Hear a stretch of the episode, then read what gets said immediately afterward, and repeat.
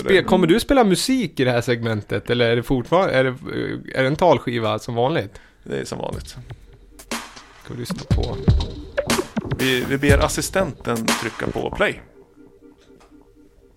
Vi har en assistent idag alltså. The next two noises are in the transmission. The first in a gearbox with worn or broken teeth on first and third gears. The second is a back axle whine caused by wear on the crown wheel and pinion in the differential. The gearbox can be repaired, though labour costs may be high, but the crown wheel and pinion will have to be replaced as a pair.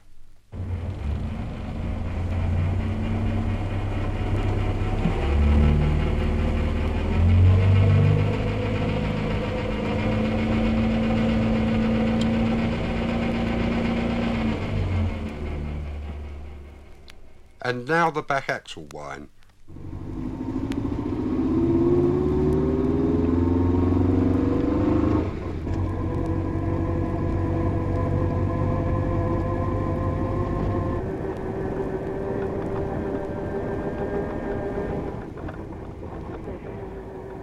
Ja, det där var ju... Eh, det, det var ju ganska... Det är ju precis det vi hör. Och vad är det vi hör? Ja, det är en, eh, det är en besikt, alltså det är bilprovningen på eh, engelska. Och ett förslag på åtgärder. Kananaxeln heter den. Gamla gubbar käkar lameller. Eller vad du säger, macken. Och så kostar det liksom 7 7,95. Ink arbete. Det var billigt det i och för sig. Ja, motorer i alla fall va? Ja. Ja, det, det är ju så här. Köper man en bil, eh, bor i England till exempel. Då måste man ju kunna ta hand om sin bil också. Och då kan man ju köpa böcker, man läser och sådär bilar. Eller så lämnar man in det på lagning. Eller så köper man en vinylskiva där de förklarar fel som kan uppstå på en bil och hur man då ska åtgärda dem. Och hur man ska känna igen dem. Så det är ju det är helt enkelt en vinylskiva med 15 stycken fel som kan vara på sin bil och hur man känner igen dem. Så man får höra på ljudet och vad det är för fel. Ja, Vad precis. spännande. Proaktiv informationsdisk helt Ja, enkelt. inläst av någon, eh, ja, jag skulle gissa på lätt bakfull eller lite så här sladdrig. Lite en pint-doftande engelsman där. Som säkert har jobbat med bilar i många, många år. Är det en Aston Martin eller vad är det för bil? Är det en Jagga? Nej, jag skulle nog gissa på en Mini. Är det, Mini ja, Cooper. men det är ingen generell.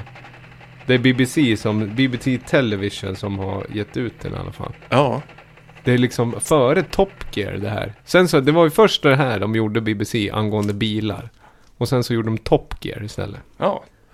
Och den heter ju, om du lyfter upp den så heter den... Eh, vad står det? Know your car and get the best out of it. Känn Ja. din bil och få ut maximalt av ditt fordon helt Ja. enkelt.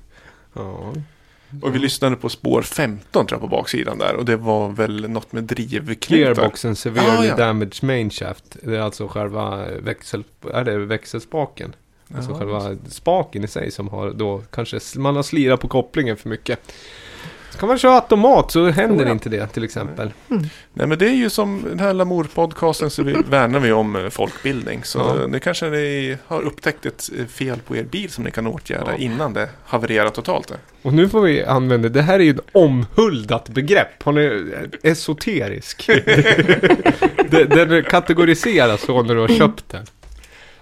Ja, det, jag var bläddrade i esoterisk-facket. Ja, och det var där du hittade den här. Ja, Ja, den här har väl någonting. Men jag blir mest förbannad att just med bilprovning generellt.